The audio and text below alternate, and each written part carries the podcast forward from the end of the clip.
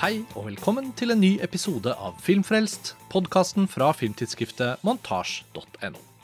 Mitt navn er Karsten Meinick, og i dag er vi tilbake med en ny episode i vår serie Fysisk format. Og jeg sitter her i dag sammen med Lars Ole Kristiansen. Hei, Karsten. Hei, Lars Ole. Fysisk format-serien fikk jo endelig sin episode nummer to i høst, da vi satte fokus på utgivelsene til Nasjonalbiblioteket og intervjuet eh, Eirik Frisvold Hansen. Og for de som har fulgt med, så var jo dette en episode vi introduserte fra Los Angeles i episode nummer 500 på våren 2022. Og nå har vi kommet til episode tre, Lars Ole, og den handler jo både Ja, den handler jo litt om deg, og den handler litt om et reisemål. Og ikke minst så handler den om på en måte slags sanadu for fysisk format. Eh, Det vi skal gjøre, er å ta en reise til Japan, og du må nesten introdusere dette litt selv, da. ja, altså, jeg har jo hatt uh, gleden av å, å, reise en del til Japan uh, de siste årene. Og uh, det er ingenting jeg har lengtet mer etter under pandemien. Og Japan har jo da forutsigbart nok hatt Eh, veldig strengt smittevern og helt stengte grenser. Mm. Og jeg har vel vært innom eh, diverse nettsider nesten ukentlig, i hvert fall det siste året, for å på en måte sjekke status da, for eventuell gjenåpning. Men egentlig så skjedde det veldig brått. Det framkom at det kom til å bli annonsert en gjenåpning eh, mot slutten av september. Og at det da ville At, at grensene skulle åpne 11. oktober, eh, mener jeg husker at det var. Og da jeg leste om dette, så tenkte jeg bare at nå rensker jeg kalenderen, og så kjøper jeg billetter, og så bare drar jeg uansett. Og det gjorde jeg. Jeg ble ekstremt glad på dine vegne da jeg hørte dette, og det sammenfalt jo også med faglige ting, så derfor er det jo utrolig gøy å vite at du både fikk returnert til en by du har fått et så nært forhold til, og en by som knytter seg så sterkt til f.eks. film på fysisk format. Og vi skal jo da ikke være med på hele reisen din til Japan, men vi skal få være med til mange av stedene du allerede kjenner godt til fra før av, men også noen nye oppdagelser du gjorde på denne reisen. Og underveis så vet jeg at vi skal få ta mange avstikker og digresjoner inn på andre eh, områder. Min rolle blir jo litt sånn å være en slags intervjuer da i denne episoden, Lars Ole, selv om jeg kjenner jo litt til noe av bakgrunnen og, noen av erfaringene har du allerede fått fortalt om, men eh, jeg er like nysgjerrig som lytterne, tror jeg egentlig, så hvor syns du vi skal begynne? Nei, altså jeg tenker Vi kan begynne med å eh, si noe generelt om fysisk format i Japan. Ja. Fordi det er fortsatt stort, eh, inkludert videoutleie. Og eh, etter hva jeg har skjønt, så har aldri strømmetjenestene fått liksom, samme fotfeste i Japan som de har i, i alle fall i Europa og USA. Og eh, det er eh, veldig mange butikker som selger eh, ting brukt. Men brukt i Japan er som nytt. For de tar så utrolig pent vare på tingene sine at uh, det ofte nesten ikke er mulig å se at det er tatt ut av plasten engang. Men likevel så blir det da solgt med en uh, kraftig redusert pris. og det er jo en kjempebra deal, da. Særlig hvis man som meg er uh, opptatt av å kjøpe veldig kule, vakre utgaver av filmer. Ja. For, eh, for eksempel så, så, er det sånn at eh, DVD-er som da er brukt, de har på en måte nesten ingen verdi. Uansett hvor flott innpakningen måtte være. og derfor har det egentlig blitt sånn at jeg i all hovedsak kjøper filmer jeg har fra før av i Japan. I ja. japanske spesialutgaver.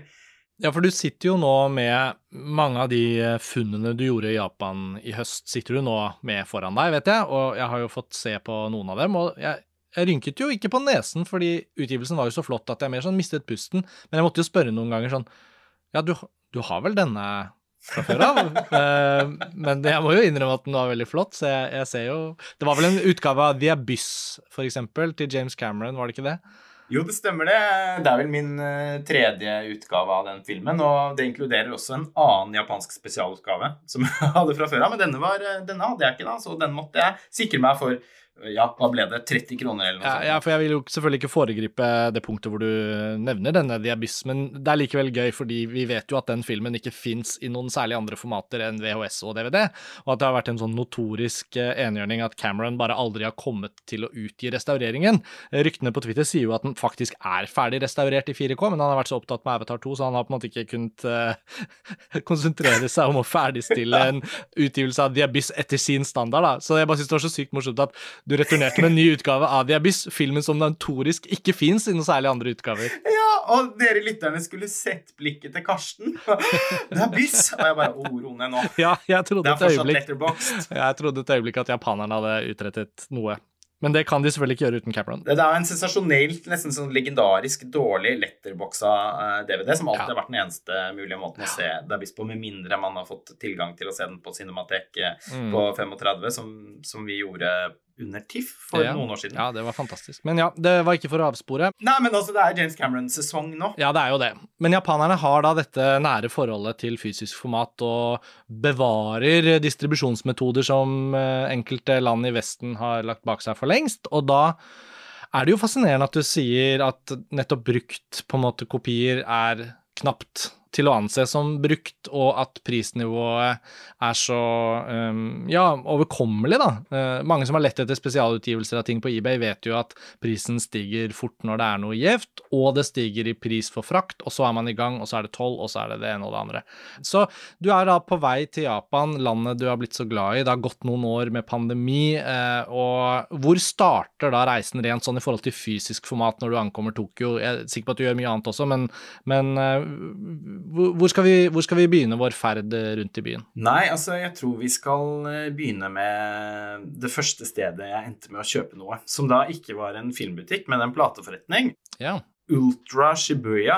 Noen av lytterne har sikkert kanskje vært i Tokyo, men de fleste av oss, inkludert meg, har foreløpig ikke vært i verken Tokyo eller Japan, så Shibuya er jo et kjent begrep. Det er det vel mange av oss som vet litt om, fordi vi har sett det på film og kjenner til det fra popkulturen. Men hva, hvor er vi i Tokyo? Da er vi liksom helt supersentralt.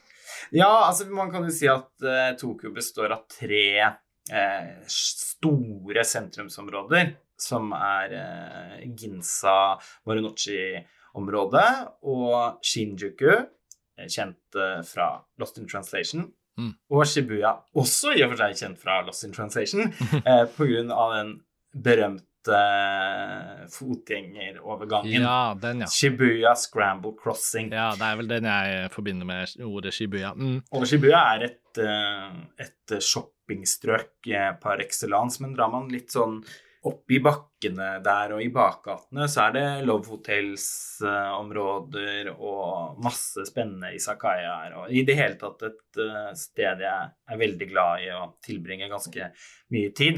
Det er også masse kule sånn vinylbarer med veldig masse deilig japansk whisky og, og, så- og sånn. eh, Der er det i og for seg over hele byen. Men eh, Shibuya er et uh, veldig godt utgangspunkt for å starte utforskingen av uh, Tokyo. Og hvis man har bestemt seg for å shoppe litt, så må man vokte seg for at uh, man ikke bruker opp alle pengene man har satt av til det. Med en gang der. Ja, Hvordan gikk det for deg i denne platebutikken? da? Du, du nevnte jo hvor vi skulle inn. Det gikk greit, men ikke sånn vektmessig. For det er jo da også noe man må passe Ja, det er vinyl, på. ja. For det verste å kjøpe med tanke på vekt, det er bøker og vinyl. ja. Så det forsøker jeg alltid å holde til et minimum, men av og til blir det vanskelig, og de gjorde det i denne forretningen, fordi de hadde en helt fabelaktig samling med 80-talls japansk aidoru, eller idol-pop, som jeg har en svakhet for. Og det var altså så mange fete covere i så god stand, og til så latterlig lave priser, at jeg ikke klarte å begrense meg, og gikk fullstendig amok og kjøpte 15 plater. Og blant disse så var det en som skilte seg litt ut, fordi det var da en plate av Yuki Kudo. Eh, Jeg så det med en gang. Det må være henne, eh, og det var det. Hun er vel for de fleste mest eh, kjent for å spille en av hovedrollene i Jim Jarmers Mystery Train ja, henne, ja. Som eh, i og for seg da også er en av mine favoritt-Jarmers-filmer. Og så eh, spiller hun hovedrollen i Taifu Kurabu, eller Typhoon Club av Shinji Somai, som er en av mine japanske favorittfilmer, og som det viste seg at eh, ble vist som en del av et retrospektiv under Tokyo internasjonale filmfestival. Ja, altså for et sammentreff. Og det var den første filmen jeg så der. Så eh, plutselig, og, og så lyste denne plata mot meg, og jeg kjøpte den naturligvis. Og senere på turen så fant jeg også soundtracket til Mystery Train. Og da jeg kom hjem, så var dette den første av disse Idol-platene jeg satt på. Og det er jo selvfølgelig da et blindkjøp. Eh, alt dette her føles uansett litt som suvenirer, Ja, ikke sant. og til en veldig lav eh, kostnad. Ja. Og så var den helt sinnssykt bra! Ja, Sammentreffene kommer liksom på rekke og rad her, men uh, hun er vel bare et uh, talent, da. Altså, du var jo også Jeg, jeg viste Eller jeg satt den på uh... Ja, jeg har jo fått høre. Veldig bra. Og det er jo veldig morsomt også det. Vi glemte jo å si i introduksjonen at du også selvfølgelig da skulle på Tokyo internasjonale Filmfestival, som tilfeldigvis faktisk arrangeres akkurat nå da landet åpnet, og da du hadde mulighet til å dra. Så det er jo på en måte også en sånn herlig rekke med, med sammentreff som leder deg inn i, i en sånn oppdagelse som det du setter ord på nå. Da. Og det er jo så gøy også å tenke på da at poptalentet, som også er skuespiller, og som også tar en rolle i vestlig film Altså det er noe med liksom de broene mellom ting uh, Nå glemte jeg Mm. navnet hennes, da, men jeg må jo lære meg det. Yuki Kudo. Yuki Kudo, som, um, ja, som er bare så herlig Og det blir jo en herlig inngang til alt du har å fortelle, da, fordi det binder jo opp både musikk, vinyl og film, og da filmopplevelsen du hadde av den restaurerte utgaven av denne Typhoon Club eh, på, eh, på festivalen. Ja, og som eh, utrolig nok for første gang blir sluppet på Blu-ray dagen etter at jeg drar hjem. Ja, det var det òg, ja. Så den fikk du ikke med deg. Jeg har ikke fått lagt inn den bestillingen på Amazon ennå. Det må jeg sørge for å, å få gjort. eh. Ja, og i verste fall så skal du vel tilbake til Tokyo i fremtiden, så Og hvis, det, og hvis noen lyttere bruker denne episoden som en slags sånn guidet tur til fysisk format i Tokyo, vi håper jo at noen av dere kan få anvendt den til det, da, ettersom Lars Ole her eh, representerer en reell ekspertise på feltet, så er det jo da et tips, da. Den filmen som nå nylig er kommet på Blu-ray i Japan, og som er så bra, har jo heller ikke vært utgitt ordentlig i den vestlige verden, så det er jo ikke en film det er lett å bli kjent med i det hele tatt. Og så er det, den, den nye utgaven har, har da også engelsk tekst, og det er slett ikke alltid Nettopp. tilfellet for eh, japanske Blu-rayer. Og i det hele tatt så er det sjelden at jeg ender opp med å kjøpe nye utgivelser der, inkludert japanske, fordi de ofte ikke har engelsk tekst, og fordi de er priset ganske høyt, da. Ja. Så prisforskjellen mellom noe som er nytt og noe som er brukt, er veldig, veldig stor. I motsetning til f.eks. i Los Angeles og eh, på Amoeba, der eh, vi Mm, mm. tok opp en, eh, den første episoden av fysisk format-serien vår, der prisforskjellene ofte ikke er så store. Og det er jo virkelig et mekka for å finne sjeldne titler. Altså, eh, og hvor man kan gå på oppdagelsesreise og bli oppmerksom på at filmer som man ikke visste at man var interessert i, eksisterer. Mm. Og så kjøpe de litt i blinde, og så viser det seg at det var en stor oppdagelse når man kommer hjem. Eh, Dette er to veldig forskjellige eh, fysisk format-reiser. Som jeg antydet innledningsvis, da, så ender jeg egentlig veldig ofte med å kjøpe ting jeg allerede har i Tokyo. Så her er det utgavene som er litt sånn alfa og omega. Men det har også hendt at filmer som nesten har vært sånne Blu-ray-enhjørninger. Altså Mm. filmer har vært veldig vanskelig å få tak i på Blu-ray fordi de bare har vært gitt ut eh, der, på det formatet i Japan. Eh, Dawn of the Dead, for eksempel, til eh, Romero, eh, var lenge kun tilgjengelig på en japansk Blu-ray. En helt utrolig utgivelse. Og altså De første fire gangene jeg var der, så lette jeg og lette og lette etter den uten resultat. Mm. Og så fant jeg den til slutt eh, den femte gangen jeg var der, i, i Osaka. I en liten, snål, mørk sjappe. Fantastisk. Um, vi får reise videre da, fra vinylbutikken i Shibuya, Lars Ole. Hva er vårt neste reisemål? Neste stopp er også i Shibuya, da, Tower Records. Ja, som vel er verdens største plateforretning, tror jeg. Og i min ungdom så forbandt jeg det med å dra til London. Ja, og dette er på en måte sånn maxi-versjonen av den jeg også husker godt Mm. fra, fra London. Den er vel lagt ned. Ja, rett ved Piccadilly Circus, den er jo lagt ned for lengst, men den lå på et sånt hjørne der, uh, over flere etasjer. Uh, men man kunne jo velge og vrake i gamle dager. Ja, altså, jeg minnes jo HMV Megastore og, og sånn også rundt Piccadilly back in the days. Ja, du selger inn tok jo veldig nå, da. Tanken på å returnere til at det kan fortsatt være sånn et sted, er jo magisk. Men Ja. uh, Tower Records, er det da liksom en, en form for eh, ærverdig nøkkelforretning innenfor fysisk format? Ja, dette er flaggskipet, da. Flere etasjer, eh, enormt utvalg, i all hovedsak med tanke på musikk. Ja. Men de har også en eh, filmavdeling. Det er alltid Michael Jackson-utstilling der, og Ja, for meg er som er veldig stor ja. fan, så er det De gjevt. Bildene har jeg fått på melding fra deg når du har vært der. Ja, han, ah, han besøkte også forretningen på et tidspunkt. eh, og, så det er eh, en hel masse fotografier av denne utrolige hendelsen. Hvor mye tid planlegger du før du da skal til denne spesifikke butikken? Dette er jo da en du har vært i før, og på en måte du vet omtrent hvordan det ligger an der. Er det sånn sette av en halv dag? Er det sånn dra dit tidlig på turen og så komme tilbake hvis jeg skal tilbake og se på noe mer? Eller hva, hva anslår du liksom for tidsbruk når du går inn der? Altså Min erfaring er at jeg aldri bruker så lang tid der. Eh, Jeg syns det er artig å gå rundt og, og, og se. Eh, Og jeg syns også det er gøy å se på all den eh, japanske, koreanske idolpopen og sånn. Jeg er heller ikke da som, med å kjøpe noe av det, men Nei. jeg syns det er gøy å bare Bare observere. Ikke sant? Man, man er jo også eh, turist, eh, og man skal ikke undervurdere hvor mye man kan lære om en kultur av å Mm. gå rundt i en Mhm. fysisk formatbutikk. Men det, det er en filmavdeling der. Den var nå kraftig innskrenket. Oi. Så det var litt deprimerende. Den var vel tre-fire ganger så stor sist jeg var der. Ja, for det må vel være noen tegn også i Japan av at det endrer seg Ja, så det, det stakk litt i hjertet eh, å se. Heldigvis var filmmusikksamlingen intakt. Og det er nok den mest imponerende i sitt slag. Den har alltid vært helt sånn svimlende god. Jeg husker at jeg på et tidspunkt fant soundtracket til den norske filmatiseringen da, av eh, Beatles, altså Saabye Christensen.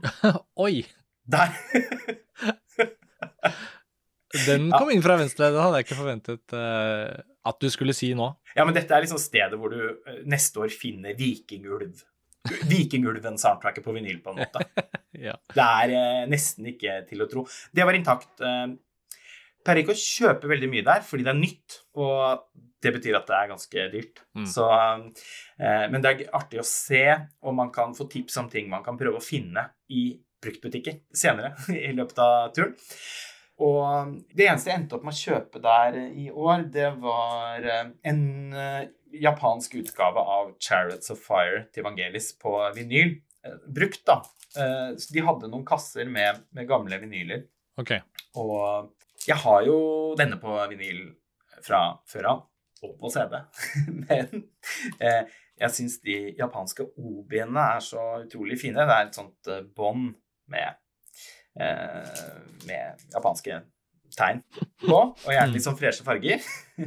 Ja. Eh, og så er ofte de japanske vinylprintene spesielt bra. Og det, det eksemplaret jeg hadde fra før av, er også ganske knitrete. Og japanske brukte vinyler er jo da som oftest som nye, selv om de da er fra 80-tallet. Eller enda eldre. Så det føltes som en no-brainer og kostet vel ja, sånn 50-60 kroner. Det er fantastisk at den soundtrack-avdelingen er liksom så omfangsrik òg, fordi jeg føler jo at det har jo vært, ved siden av noen få filmer, så er det jo av og til originalmusikk. Særlig til filmer som har hatt veldig sånne sterke soundtracks, som i vårt Særlig sånn Hvis vi skal snakke litt om 90-tallet, da, da CD-er fra filmer kom ut hvor det kanskje ikke var så mye originalmusikk, men det var masse sanger som ble brukt i filmen. Jeg føler liksom den distinksjonen, den var på en måte alltid en liten pest om plage, fordi jeg vet at både du og jeg var også særlig interessert i originalmusikk ofte når man falt for en film. Og jeg husker når du Om det var Jeg husker ikke hvor det var, men et eller annet sted du hadde vært og reist, så hadde du funnet originalmusikken til Less Than Zero, den uh, Brettis Easton Ellis-adaptasjonen, med musikk av Thomas Newman, som ikke er å høre noe annet sted, hvis ikke du har det på CD? Ja, dette er nesten riktig. Altså, den sto vel nesten øverst på lista over utgivelser jeg håpet at skulle bli virkelighet i mange år, fordi at jeg syns at det soundtracket er så uh, himmelsk. Mm. Og kanskje min favoritt av alt uh, Thomas Newman har gjort. Men uh, det jo, ble jo aldri utgitt da filmen hadde premiere. Det eksisterer et soundtrack med populærmusikk på, men mm. ikke hans score. Mm. Det har man bare kunnet høre som bruddstykkevis på, på YouTube. Eh, men så ble det annonsert at, det, at det skulle bli, bli, utgitt i en nummerert utgivelse. Sånn var det, men Og jeg forhåndsbestilte den på nett og fikk ja. den levert i posten. Ja, så den var ikke i Japan, men det kunne gjerne vært til Japan. men like etterpå så fant jeg utgivelsen på Tower Records i Japan. Og oh, ja. det var etter at den hadde blitt utsolgt. Og jeg ble bare så imponert over at i denne butikken er det noen som følger så godt med. Ja. At de sikrer seg en av de jeg tror det var 2000 eksemplarene. Ja, det er jo fantastisk. Ja.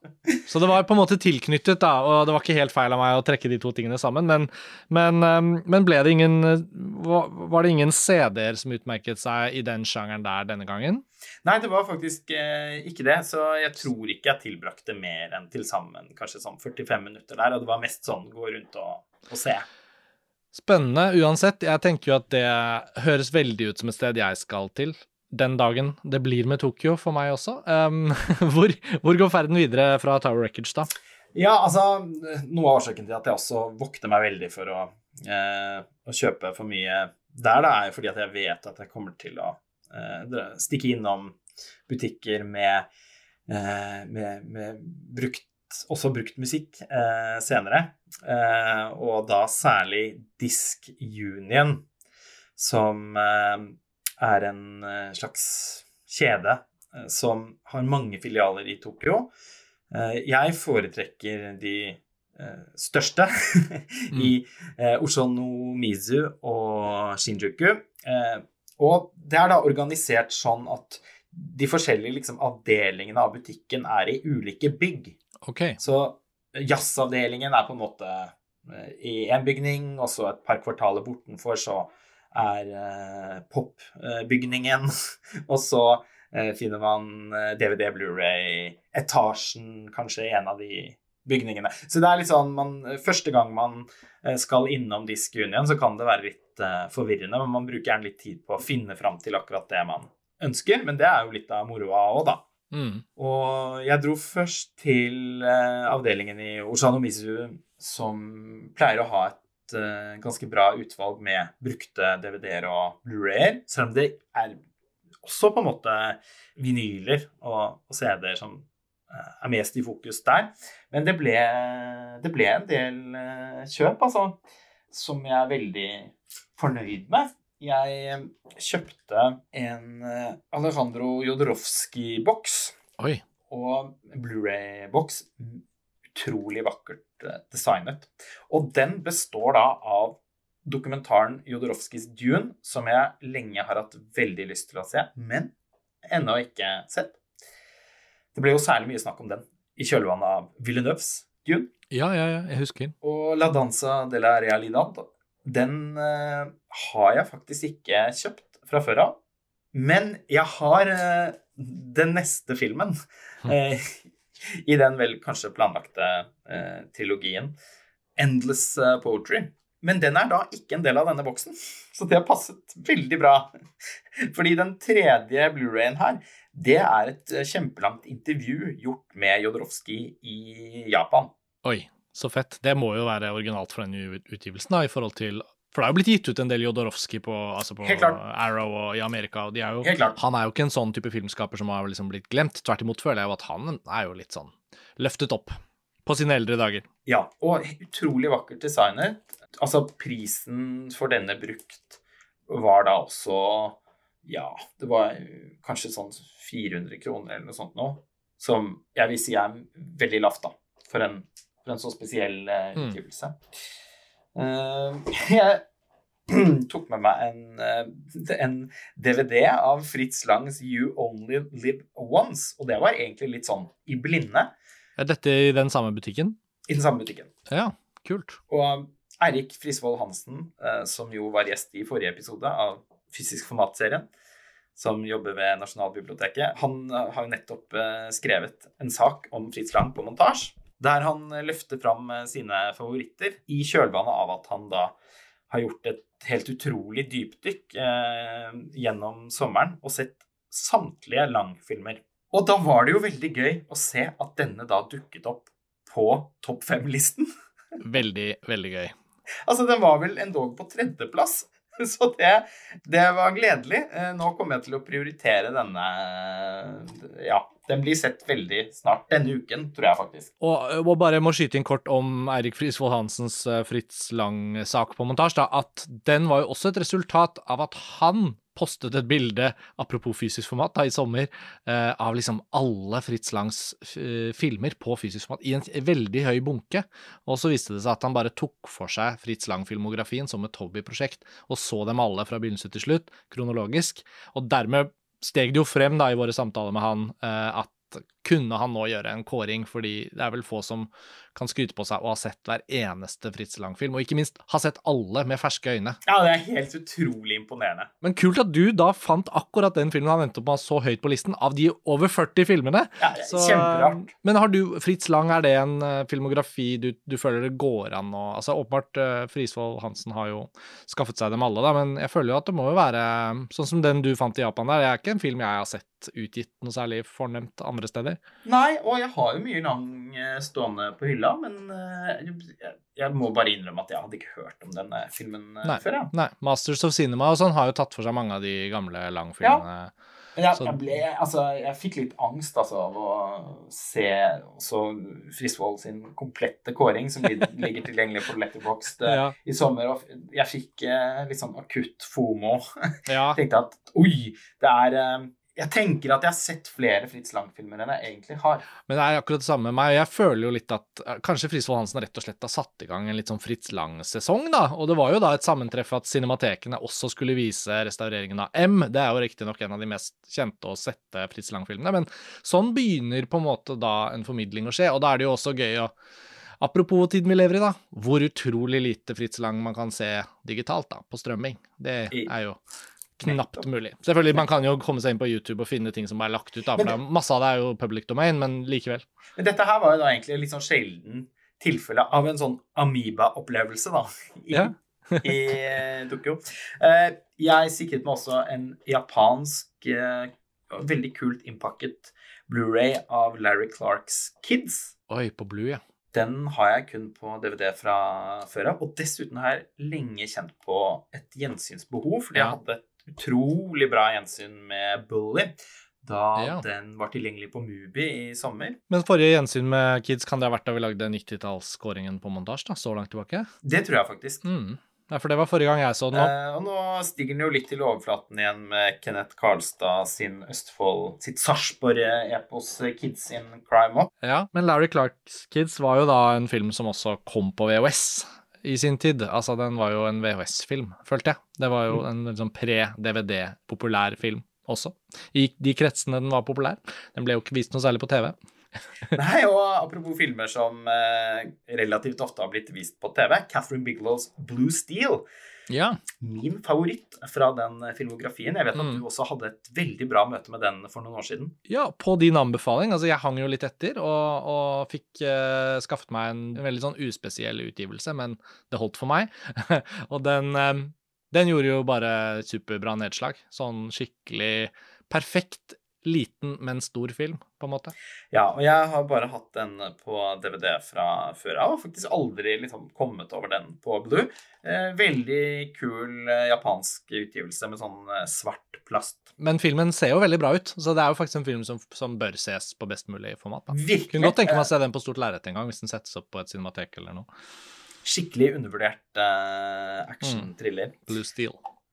Så kjøpte jeg en japansk film helt i blinde. Eh, den hadde en så kul presentasjon i form av uh, cover og, og, bilder fra filmen at uh, jeg bare rasket den med meg. Den, den kostet uh, ikke mange penger. Og jeg har fortsatt ikke klart å identifisere hvilken film det er snakk om.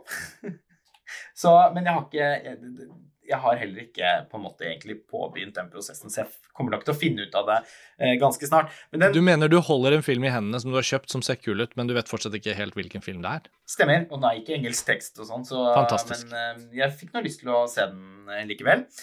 Uh, den sto i nærheten av en annen film som uh, nylig ble utgitt uh, på Blu-ray i Vesten for første gang, nemlig Shinji Somais Sailor Suit and Machine Gun. Det er da samme regissør som har laget 'Taifu Kurabu eller Typhoon Club, som jeg så under Tokyo internasjonale filmfestival, ja. og som jeg skal snakke litt mer om senere i episoden.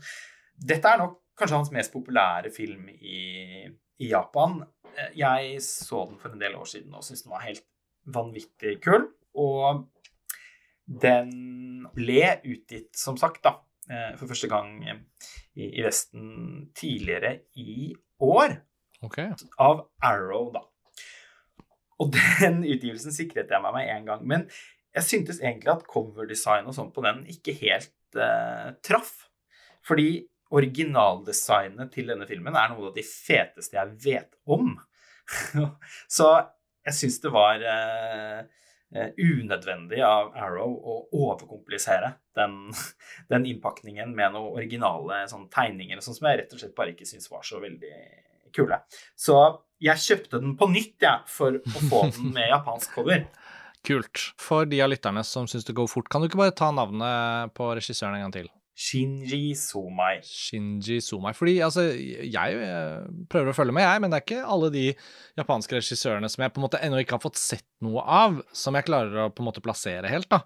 Har du lyst til å si litt mer? Jo, men altså, han er en ganske stor regissør i Japan, men som aldri fikk et skikkelig internasjonalt gjennombrudd. Og så døde han altfor tidlig, litt sånn mm. på samme måte som Edvard Young. Ja, ikke sant. Og har på en måte da bare blitt glemt. Men jeg har jo snakket med eh, japanere i Japan om han tidligere.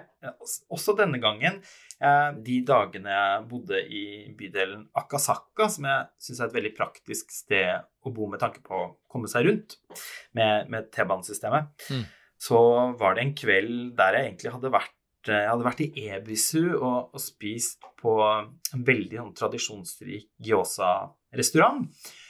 Og så hadde jeg på en måte valget mellom å bare dra på hotellrommet og avslutte kvelden, eller å fortsette litt. Og jeg kjente at jeg hadde mer i meg.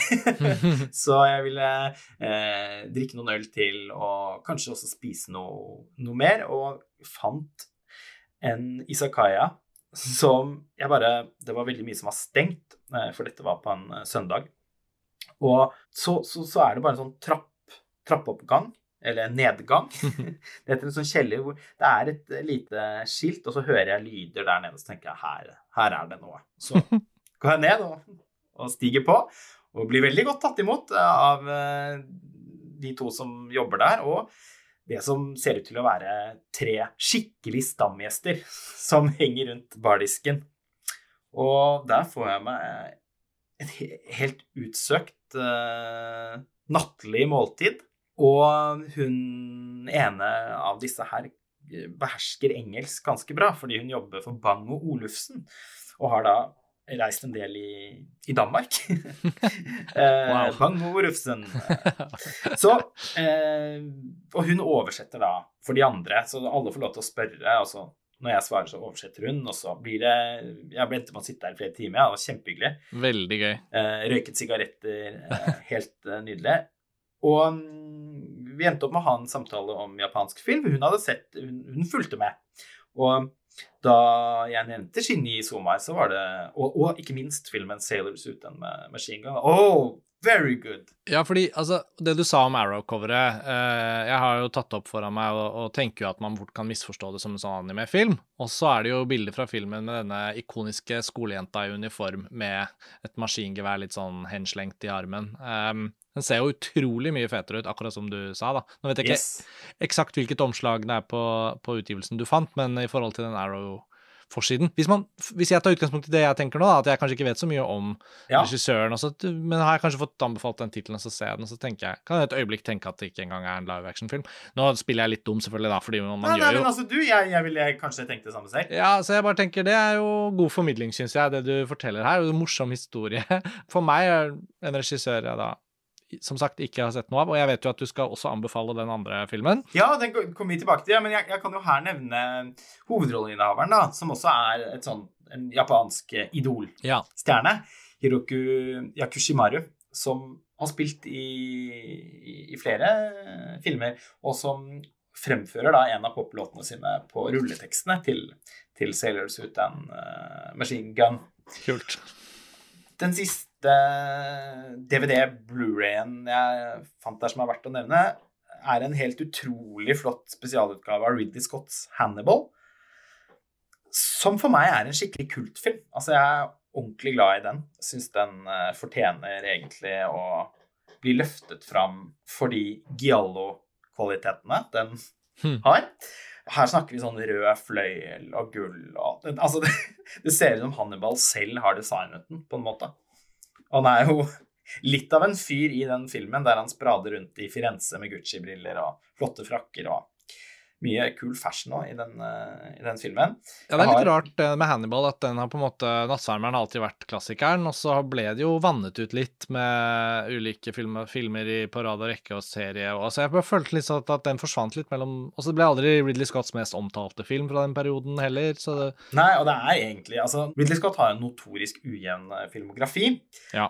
og av og til så må man jo nesten eh, konkludere med at ja, var 2000-tallet hans beste tiår når alt kommer til alt? Ikke fordi de aller beste filmene er der, det er naturligvis Blade Runner og Alien. Men Gladiator, Hannibal, Black Hawk Down altså De kom litt sånn på rad. Og så Kingdom of Heaven, som i sin Director's Cut jo er helt Ja. eh, utrolig. Ja. ja. Eh, Hannibal fortjener å bli nevnt, syns jeg, som en av Scotts eh, beste filmer. Jeg, jeg vet at det er litt eh, kontroversielt, men hvis noen har lyst til å debattere det med meg, så kan vi ta det på et senere tidspunkt. Og det- Jeg har den allerede i ganske mange utgaver. Ja, for nå måtte jeg være på vei til å trekke den humoren tilbake, for denne hadde du vel god dekning på? Ja da. Eh, jeg har den i flere utgaver fra før, for det er en sånn film jeg er litt eh, ekstra opptatt av. Eh, men dette er den fineste utgaven så langt. Det var også med en sånn liten bok som var veldig fin. Og så blafret jeg litt i soundtrack-avdelingen, da. Og fikk rasket med meg eh, en japansk flashdance-vinyl. Jeg er svært opptatt av flashdance. og har naturligvis også den på vinyl eh, fra før av. Men den er eh, litt ruskete, så jeg tenkte at her hadde jeg lyst til å ha med meg en sånn japansk brukt, dvs. Si ubrukt, eh, og gjev eh, print eh, på vinyl. Og med denne Obin da, i gult og svart, som tok seg veldig flott eh, ut. Ja. Jeg hadde jo også et herlig gjensyn med Flashdance da jeg dro tilbake til Los Angeles igjen, ikke så lenge etter at vi var der, Ja. i, i mars. Eh, Så ble den eh, vist på 35 millimeter på, eh, på kinoen i Los Feliz. Og det var en utrolig morsom visning med et svært dedikert publikum, må man kunne si.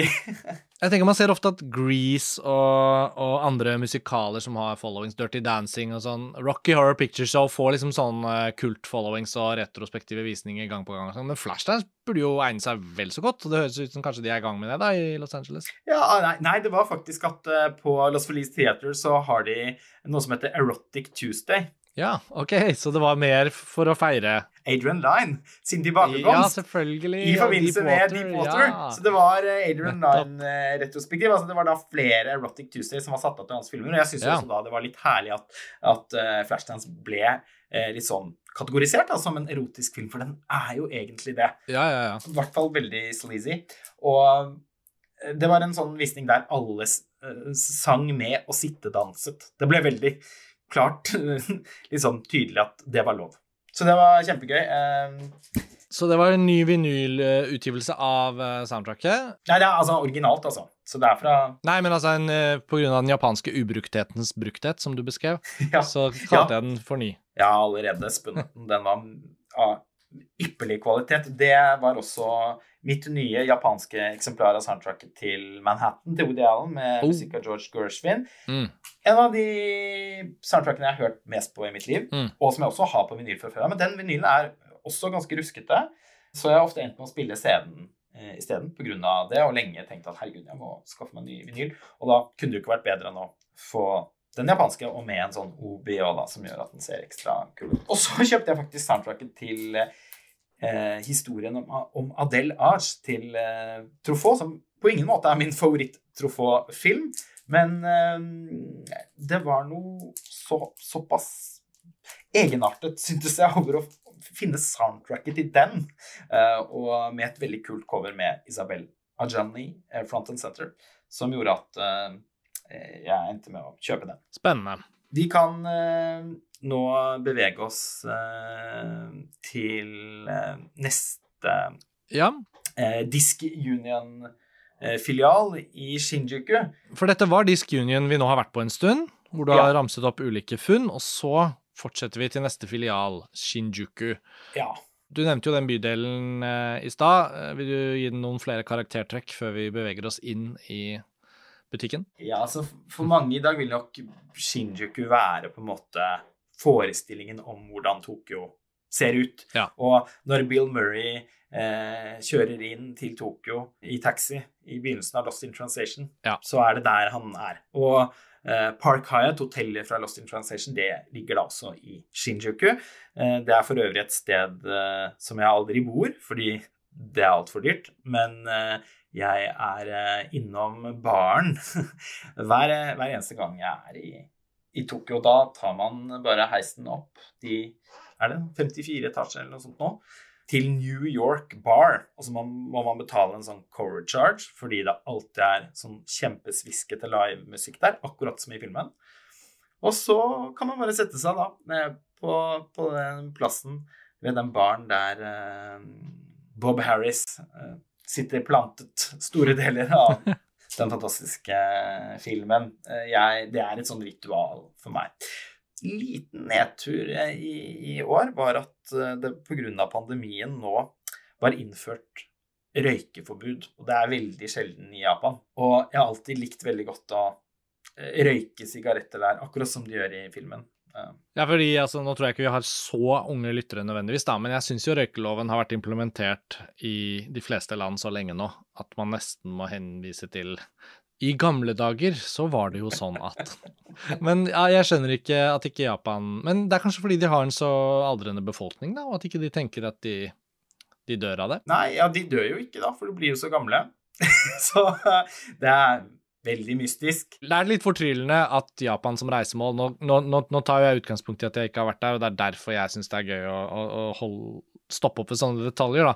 For Man liker jo å liksom drømme seg bort til steder man håper å få dratt en gang. Og da alle sånne ting som dette, at de henger tilbake litt i en annen tid på visse områder, og så ganske langt foran selvfølgelig på andre områder, og så veldig sånn særegent og rart. Og så er det jo alt med mat, som jeg vet du også kunne fylt en hel podkastepisode om, som vi ikke skal gjøre nå, men jeg tenker jo at det røykeforbudet som verden på en måte nærmest har akseptert i så stor grad at det bare er helt uhørt, det røykes jo ikke inne eh, på offentlig sted, i hvert fall.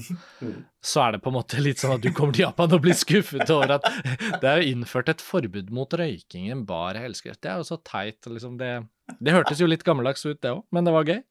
Gøy å høre. Ja, men altså, akkurat den motsetningen eh, der, da, mellom det litt sånn ut, bemerkelsesverdig tradisjonelle, nesten litt sånn reaksjonære, Mm. og det hypermoderne, veldig liberale. Den, den kollisjonen der er jo det som er så spesielt, eller noe av det som er så spesielt eh, ved Japan, og som jeg liker så utrolig godt. Og eh, ja, altså, mange japanere, unge som gamle, røyker som skorsteiner. Og har også et høyt alkoholkonsum. Så alle isakayaer og sånn, eh, stort sett er det, er det røyking. Og jeg røyker når jeg er i Japan. Jeg gjør det svært sjelden ellers, men når jeg, er, når jeg er i Japan, så benytter jeg anledningen. Fordi jeg liker veldig godt å røyke sigaretter imens jeg drikker alkohol. Men jeg har aldri vært en sånn som orker å stå ute på sånn kalde verandaer på fest. Kulere å røyke i Japan enn eh, på vinteren i Norge. Ja, det er liksom Berlin og Japan. Det er de eneste stedene, nettopp fordi det er mulig å gjøre det innendørs. Og i Japan så har de noen helt utrolig sånn ventilasjonssystemer som gjør at altså når man tenner en sigarett, så går på en måte røyken zopp, rett opp. Så man lukter ikke askebeger etterpå. Det gjør man jo i Berlin. Det har vi jo erfart, Karsten. Ja, jeg minnes Mange ganger. Ja.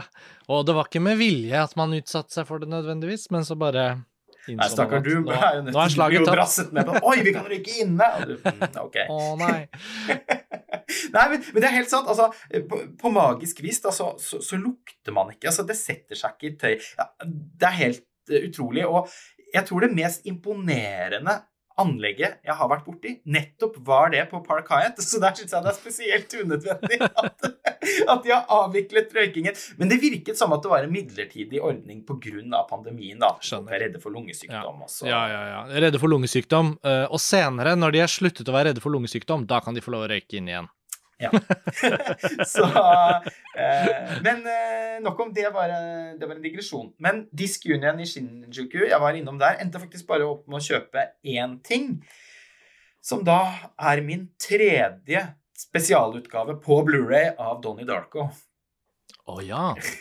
ja. den er vel altså- til og med utgitt på 4K også, er den ikke det? i sånne mega... Jo, den har jeg sikret meg da via Arrow. Og jeg har, har jo også da den uh, forrige utgivelsen til Arrow, som er finere rent estetisk, uh, men som da ikke er 4K.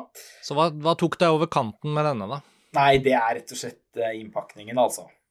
Fordi dette er en av de fineste utgivelsene jeg har sett i år, tror jeg. Lar den seg beskrive på radio? Den er lilla Uh, og så har den elementer som er såkalt embossed. Mm. Det vil si at uh, logo og noen detaljer på tegningen er, er blanke og litt sånn opp, opphevet, sånn som man kan mm. føle de med hendene. Mm. mm. Så er det to Blu-rayer inni boksen som da ikke er illustrerte, men med bilder fra filmen, men veldig sånn fint valgt ut. Og så er det også med en liten bok med, som heter The Philosophy of Time Travel. Var det da en ny utgivelse, eller snakker vi nå fortsatt om disse ubrukte, brukte japanske Den er ubrukt brukt, eh, men ny. For det er da en 4K-utgivelse, japansk 4K-utgivelse, ja. så den er nok da enten fra i år eller i fjor. Og den var eh, nok også altså vesentlig mindre redusert i pris enn det f.eks. denne utrolige Hannibal-spesialutgaven, f.eks. For ja. Fordi den da er på DVD, og er en mange år gammel utgivelse, så kostet den sånn ja, 40-50 kroner. Mm. Mm. Mens denne Darkon var vel litt mer sånn i 300-400 kroners sjiktet. Men det Ja, kanskje litt mer òg, faktisk. Men, men det, det, var likevel ingen vei utenom, da. Men altså for eksempel disse Disc Union-filialene du nå har vært innom, hva skiller dem fra hverandre, og hvorfor ble det bare ett kjøp på den siste? Er det en litt svakere stilt? Eller er det fordi du hadde alt de hadde på? Nei, altså Av erfaring så pleier jeg å finne mest i, i Oshanomizu. Mm. Men det hadde nok mest å gjøre med at dette var eh, dagen før avreise, og ja. jeg hadde allerede fylt eh, Altså, jeg hadde, kunne ikke Kvoten. kjøpe nok et Collie. Det, så, så, så, nå måtte jeg for alvor prioritere. For det var flere andre ting der som som fristet. Blant annet en veldig kul Lucio Fulci-boks. Den besto vel å merke av såpass mange filmer som jeg hadde fra før av. Jeg, jeg mener å huske at det var et par obskuriteter. Jeg, jeg, har mye Fulci, men jeg mener å huske at det var et par obskuriteter der som, som, som jeg ikke tidligere har uh, fått uh, kloa i. Men uh, den ville ha kost, altså den, den, var kjempedyr, da. Selv om den var brukt, faktisk. Men her kan det hende at, det, at, den, er veldig, at den er utgitt i et veldig begrenset opplag. Mm. Det, altså, den koster sånn 1500 kroner eller noe sånt nå. Det, det, det, ble på en måte ikke helt aktuelt. Eh, Nei. Jeg har også visse altså Jeg forsøker jo å begrense meg litt. da. Noe av kunsten med å samle på fysisk format er jo også å vite når man, når man skal kjøpe, og når man ikke skal kjøpe. Men, men jeg, jeg, skal innrømme at jeg tenkte tenkte på den boksen i flere timer etterpå. sånn kan det være. Men selv for deg kan det faktisk da bli sånn at nei, når jeg har disse ti filmene fra før av, så ble det litt unødvendig. Men nå angrer du sikkert, da. Ja, altså, det, det stakk litt i meg nå. At jeg, egentlig så tror jeg kanskje jeg angrer litt. Men Ja. OK. Det, jeg jeg syns uansett det ville vært veldig ufornuftig bruk. Men disse Disc Union, den kjeden høres jo i hvert fall ut som eh, eh, et sted man må til. Et absolutt mest. Og du, nå kommer jeg forresten på at jeg endte jo med å kjøpe to soundtracks på CD der. Ja, så det ble det òg, ja. Ja da. eh, av Mystery Train. Ja, se her, nå er vi tilbake. Ja. ja. Og eh, soundtracket til Michelangelo Antonionis La Notte Oi. av Giorgio Gaslini.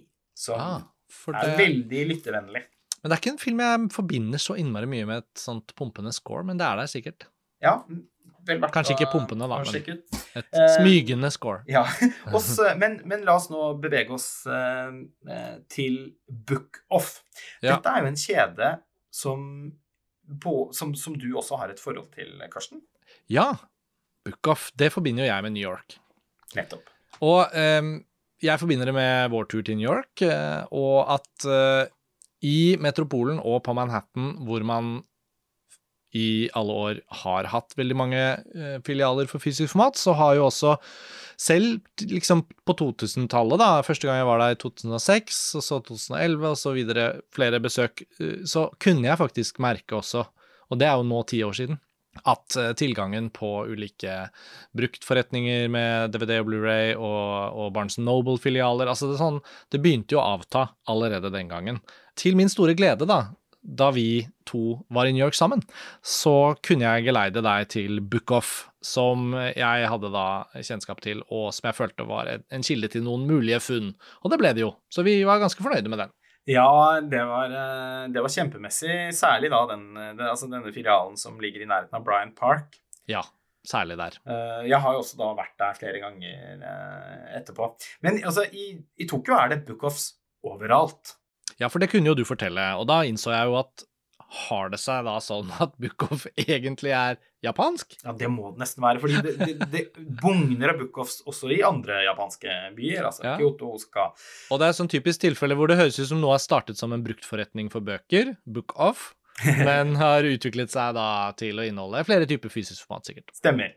Så det er alt fra altså, spill, eh, bøker, CD-er Ikke vinyler, faktisk. Eh, Nei. Og det er mange veldig bra filialer, men min favoritt er den som ligger i Akihabara. Og Akihabara det er på en måte hovedsenteret for nerdekultur i, i Tokyo. Mm. Eh, litt sånn det man kan kalle for otaku-kultur. Eh, den litt sånn også på en måte skyggesiden av, eh, av den japanske populærkulturen. Det er noe veldig sånn eh, trashy, mørkt eh, over Akihabara. Veldig mye porno! og, og, og hentai liksom bare tyter ut av, av hyllene, uansett hvilken liksom, DVD-butikk man drister seg til å, til å gå inn i, så kommer man ikke utenom uh, hentaien. Det er selvfølgelig også bare gøy, syns jeg. Det er masse sånne made-kafeer der. Eh, rare dyrekafeer, hunde- og katte- pinnsvinkafeer. Eh, og det er kanskje det mest sånn larmende stedet jeg vet om i hele verden. Altså Masse lyder fra eh, altså reklame fra billboards og høyttalere. Altså, det eh, elsker å være der. Vet at mange ikke kan eh, fordra det. Um, I filmen Harajuku til eh, Eirik Svensson, som du klippet, Karsten Ja, det er, mitt, det er min eneste nærkontakt med Tokyo. Eh, Det var det, å få inn materiale fra, fra opptakene de gjorde i, i Tokyo, til den filmen, som i sin hovedsak utspiller seg på Oslo S. Ja. Men eh, de få scenene eller bildene i noen sånn montasje fra Tokyo, de rommer jo da svært få bilder fra Harajuku, for det er ikke rent visuelt et så spennende sted. Nei, nettopp. De fant vel ut der nede at uh, Akihabara det ser kanskje litt mer ut sånn som folk tenker at det ser ut i Ja, litt sånn Ingrid Espelid Hovig-metoden, å jukse med litt. ja. Eh, å, det finnes forresten en utrolig morsom episode av Fjernsynskjøkkenet der eh, Ingrid Espelid Hovig eh, blir liksom kjent med japansk mat. Oi. Den så jeg ikke så lenge siden. Anbefale. Er det på NRK TV, da, eller? Ja. Å, ja. Oh, det Det var helt opp. vidunderlig. Det var, det var enklere før. Ja. Å. Uh, nei, eh, men Akihabara, det er på en måte Tokyo sånn som man får inntrykk av byen i Akira, liksom. Ja, ikke sant. Så jeg syns det er et sånn- sånn sanselig veldig spennende sted å være. Men eh, når jeg, Og når jeg alltid er innom, så, så er det også knyttet til et besøk på Book of-filialen der, for den er veldig god. Eh, Og der er det en etasje med mange, mange, mange hyllerader med brukt film, og ofte sjokkerende lavt priset. Og her fant jeg nå f.eks. en eh, ny 4K-utgivelse av Suspiria i en sånn flott hvit pappboks med en obi rundt. Eh, utsøkt design på de to Blu-rayene i svart plast inni boksen. En liten bok. En av mine absolutte favorittfilmer, i likhet med Donnie Darko. Så, og for meg så betyr det da gjerne at eh, min grad på en måte da dedikasjon til visse filmer vil innebære å, eh, å samle på utgaver av filmen. Så eh, jeg har mange utgaver av Argento sine filmer, og da ikke, ikke minst eh, Suspiria. Dette er vel kanskje den fineste, tror jeg. Det sier jo litt. Ja, den var så vakker at jeg ble helt sånn Og, og det var jo nesten ikke til å tro, da, at den kostet sånn Jeg tror jeg betalte rundt 250 kroner. Og den er da helt ubrukt. Altså, den ser ut som den har tatt rett ut av plasten. Jeg, jeg spår at jeg sikkert kunne få solgt den for sånn 1500 kroner på eBay. Det skal jeg ikke. Det skal du ikke. jeg liker å høre når, når du sier det, så tenker jeg mm. Så kan jeg bare raskt uh, nevne noen andre ting jeg fant eh, der. Ja. Jeg fant en også veldig fin eh, utgave på Blu-ray av Gus Van Sant-filmen The Sea of Trees, som jo gikk hardt på trynet i Cannes, der den var en del av hovedkonkurransen i 2015. Jeg husker Joakim Trier fortalte da vi var på sånn, etterfesten for Louder Than Bombs, at han og Eskil eh, hadde vært på, vis, på premierevisningen av The Sea of Trees. Ja, for det var i samme hovedkonkurranseprogram, var det ikke det? Mm. Jo, og at det var som å være i en begravelse. Huff da. Liksom Ja, det er jo, når noen slaktes i Cannes, så kan det jo være så ille at man tenker orker filmskaperne noensinne å returnere eller lage film igjen? Ja, og det er litt slutt på det nå, fordi det anses ikke lenger for å være god kantkultur. Nei. Eh, Jeg savner det, så klart. Jeg syns det var litt gøy og spennende at, eh, at det kunne være litt dramatisk. Men det, det, den var visst helt sensasjonelt uh, fæl, den mottakelsen av den filmen. Og, og, og, kanskje, og det virket jo òg Man fikk inntrykk av at mottakelsen tross alt var litt urimelig. Uh, At, at filmen er svak, men tross alt ikke helt uten kvaliteter. Og den foregår jo da i Japan. Ken Watanabe spiller en av hovedrollene. Det, eh, og filmen har jo Jeg har aldri kommet over den etter den hovedkonkurransen. Kan, jeg endte ikke med å se den der, så nå plukket jeg den med meg. Ja. Jeg har heller ikke sett den. Naturlig nok.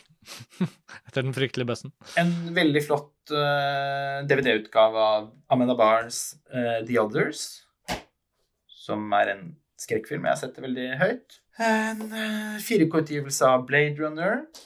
Og jeg har mange utgivelser av Blade Runner, men har faktisk eh, dette, dette er Altså, jeg hadde ikke gått til innkjøp av 4K-versjonen ennå, så dette ble jo da en veldig god anledning, for det er en film jeg syns det er litt ekstra kult å ha i japansk utgave.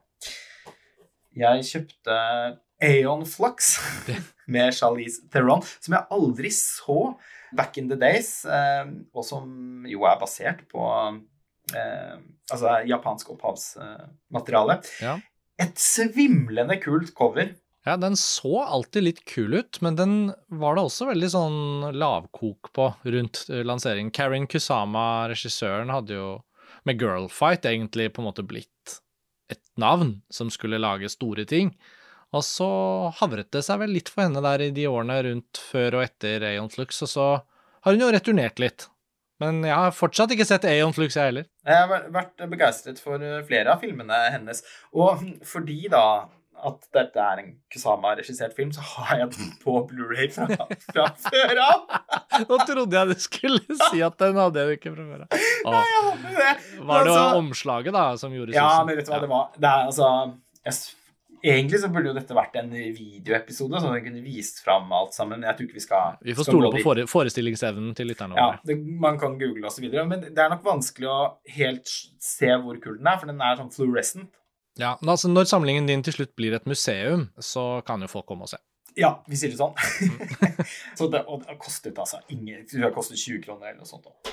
Oi, såpass billig, ja. Ja da, så her handler det mest om volum og vekt. eh, Og DVD-er eh, veier jo nesten ingenting. Jeg føler liksom inflasjonen også har kicket inn litt sånn på fysisk format i år, her i vår del av verden, da, i hvert fall.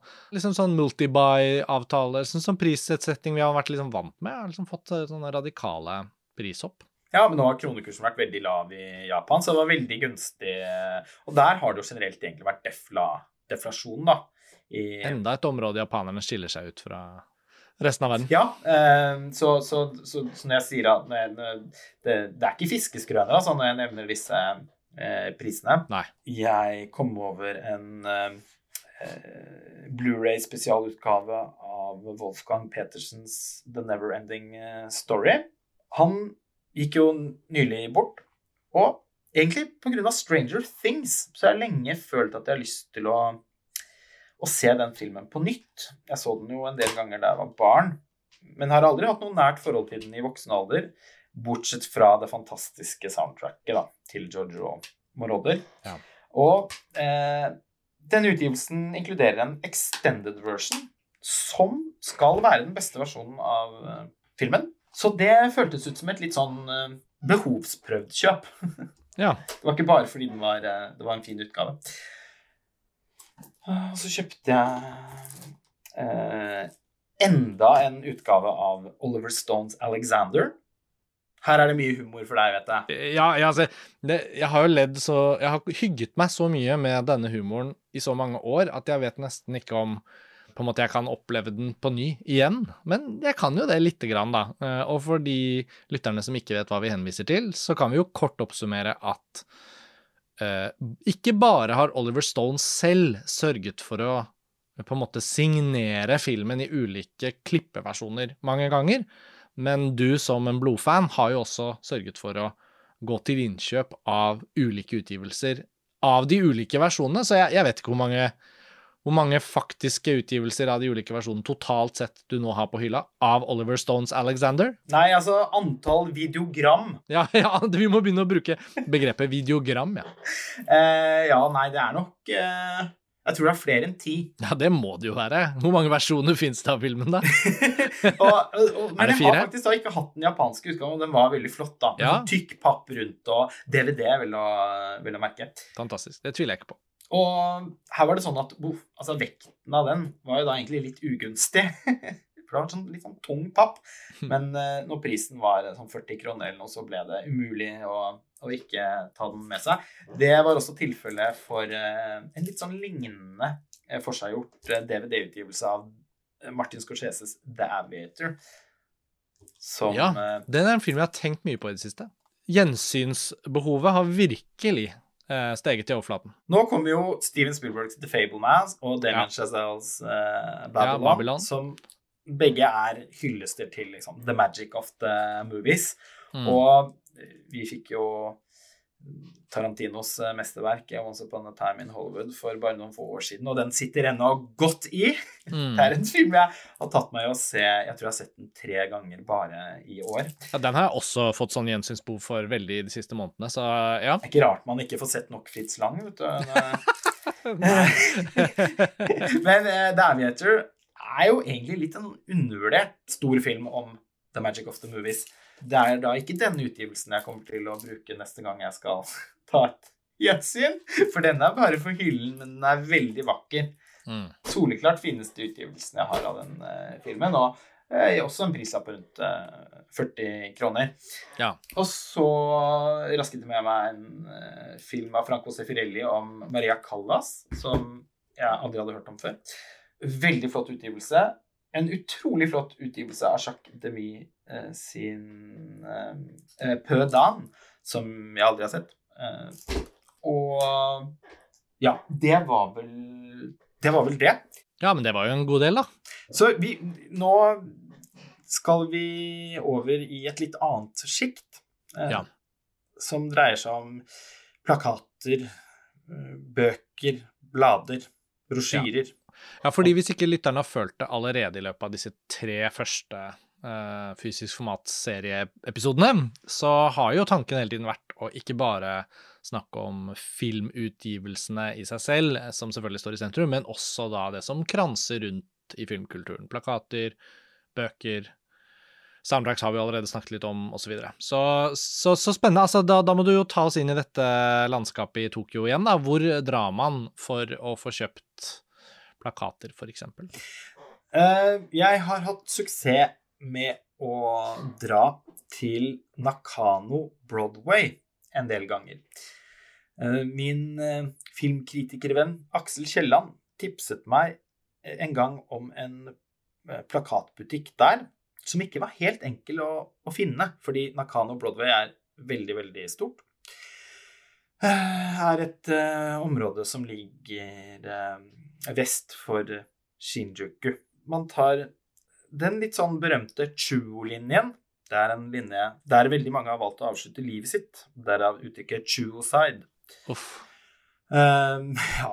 Men eh, den, eh, det er også banen man tar for å komme til Kishiyoyi og Mitaka, der eh, Studio Ghibli-museet ligger. Og det vil jo da sannsynligvis være på bucketlisten til mange som skal dra til Tokyo eh, for første eller andre gang. Det er, kan av og til være litt vanskelig å sikre seg billetter eh, i, i forkant. Eh, fordi man er nødt til å, å, å forhåndsbestille billetter til Ghibli-museet. Og de slippes på en måte som konsertbilletter, og da gjerne midt på natten norsk tid. Oi. Så det, det er ikke alltid det lykkes på første forsøk. Jeg har vært der to ganger og har ikke hatt noe problem med å få billett de to gangene, bare så det er sagt. Men ja, jeg vil tro at mange som skal til Tokyo, i hvert fall for første gang, skal dit. Og da kan man stoppe eh, på Nakano Broadway på veien for å ja, enten dra innom den plakatbutikken eller eh, Mandarake, som jo da også er en veldig kjent eh, kjede med masse som, som både fører eh, f- altså actionfigurer, eh, tegneserier, blader, magasiner, bøker, alle typer fysiske formater, egentlig filmer. Jeg sporet opp den, den plakatbutikken den gangen, som Aksel tipset meg om. Mm. Og det var en gullgruve. Og jeg har vært innom der flere ganger. Eh, den var nå nedlagt. Det fins også en annen plakatbutikk der med gamle japanske filmplakater.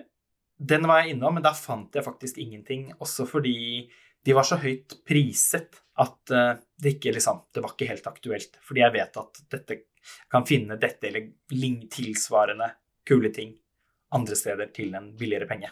For jeg visste jo at jeg da senere eh, på turen skulle innom eh, Bokbyen, eh, som er et eget område i, i Tokyo som bugner av eh, bruktbutikker, eh, med særlig da bøker eh, og brosjyrer, plakater, alt på papir i, i fokus.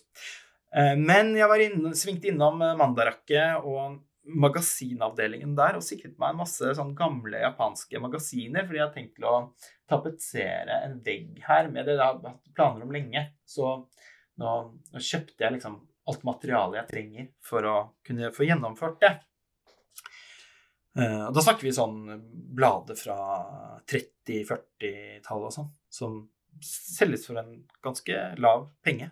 eh, Og eh, som jo vil Altså mange av de sidene vil, vil eh, sånn gulnede gamle sider vil, og flere av de med tegninger på vil eh, gjøre seg veldig fint på en vegg her. Ja, nå sitter jeg bare og lytter, Lars Ole, for denne, denne typen ting er, er dypt fascinerende for meg. Jeg syns jo egentlig trykksaker knyttet til filmmarkedsføring fra ulike land, eh, ikke bare plakat, men det hele, har jo alltid vært en sånn måte å omgi seg da, litt med sine favorittfilmer på. Og, og, det er jo også noe helt sånn særegent for Japan som du har tatt med. Du tok jo blant annet med til meg Har du lyst til å fortelle om det? Ja, du tenker på Lille- shirashiene? Ja, Ja. fordi dette er jo noe av det lille jeg vet og kan begrepet og navnet på, men det er jo du som må fortelle om det. Altså, Jeg så faktisk ingen eh, film, filmer på vanlig kino mens jeg var der. Nei. Så bare filmer på, på festivalen. Mm. Men uh, jeg var innom en del vanlige kinoer for å sikre meg shirashier, og til min store glede så hadde shirashiene til Avatar The Way of Water ankommet. mm. Og shirashi det er da en bitte liten uh, plakat, på sånn magasinstørrelsesplakat, som Mm. man alltid da kan finne på kinoer i Japan mens filmene vises der. Og når, etter hvert som årene går, så kan man jo se så Igjen føles ikke aktuelt å gjøre, men jeg registrerer jo ganske ofte at disse selges eh, relativt dyrt eh, på eBay. Ja. Selv endte jeg med å kjøpe en shirachi der en gang for Uh, Ja, jeg tror det endte opp med å bli sånn 400-500 kroner ja, av Dario Argentos Fenomena. Okay. For den hadde jeg da jaktet etter såpass. å finne i, i en butikk som har sånn i Japan så mange ganger, og ikke lyktes med. Og så til slutt så bare så ga jeg opp og bare tenkte nei, men da bare bestiller jeg den. Så, så er det gjort.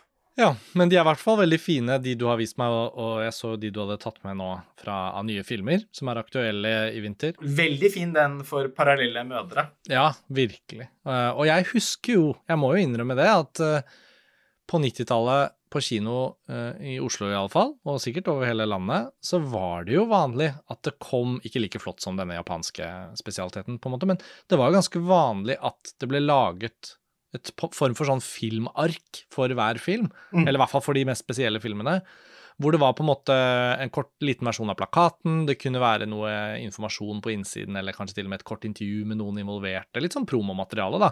Eh, eller til og med en kort tekst som kanskje var mer som en sånn eh, At noen filmvitere eller kritikere hadde skrevet litt. Så at Ja. man kunne på en måte forvente noe, eller sette seg inn i filmen i forkant og sånn. Og, og hvorfor all den kulturen på en måte bare er fullstendig fjernet, da. Jeg skjønner ikke hvordan det er en slags fordel. Eh, Kinoene er jo et fysisk sted. Folk må dit. Når man først er der, så skulle man jo like å ha noe eh, rundt eh, filmene. Og plakater er jo blitt skjermer, og jeg bare Ja. Det er et lite hjertesukk her, men jeg syns det er så synd at alt det der nesten er forsvunnet, da, som fysiske elementer. Jeg er så enig. og alt dette fins fortsatt i verdens beste land. Ja. Og ikke bare har de shirashier, men de har eh, sånne pamfletter, Ja. Oh. brosjyrer, i sånn ulike formater, Ja, det er jo litt det jeg tenker på. som selges knyttet til kinolansering. Mm. De kjøper man for sånn 100 kroner ish. Og jeg husker da jeg så Blade Runner 2049 på Imax eh, i Tokyo for en del år siden, f.eks., så kjøpte jeg den pamfletten eh, som fulgte med den. Ja. Og jeg har sikret meg flere sånne som jeg har kommet over i Japan de gangene jeg har, eh, har vært der. Men eh, denne gangen fant jeg altså da en butikk i Jimbocho, denne bokbyen, der jeg virkelig gikk fullstendig amok. Og jeg følte at jeg ødela butikken. I den forstand at samlingen kan da umulig bli så god igjen som den var nå. Nå må du bare fortelle. Um, hva var det som skjedde? Det som skjedde, var at det var en eh, Først så eh, innså jeg at dette var butikken som skulle kompensere for tapet av den plakatbutikken som pleide å være på Nakano Broadway. Som Aksel Kielland opprinnelig hadde tipset om, men som nå er nedlagt. Stemmer. Så jeg eh, sikret meg noen, eh, noen japanske plakater, eh, blant annet plakaten til en film som jeg da ikke har sett. Med eh, hun eh, Hiroku eh, Yakuchimaru fra Sailor Suit and Machine Gun. Den plakaten var altså så kul at jeg bare ville ha den uavhengig av filmens kvalitet. Men fant da raskt ut at filmen også eh, åpenbart nok er eh, noe å, å se. Litt sånn eh, Kunne virke nesten som en litt sånn eh, Vox-Lux-aktig fortelling, bare kretser rundt teater istedenfor musikk. Men filmen rommer også en del musikk, i og med at hun da også er sånn eh, ja, er popstjerne, da. Eller ja, var popstjerne i denne perioden på, på 80-tallet. Mm. Så eh, mm, eh, jeg klarte ikke å få sporet opp den filmen eh, på Blu-ray mens jeg var der. Men det, jeg, den er utgitt, og jeg kommer til å bestille meg den.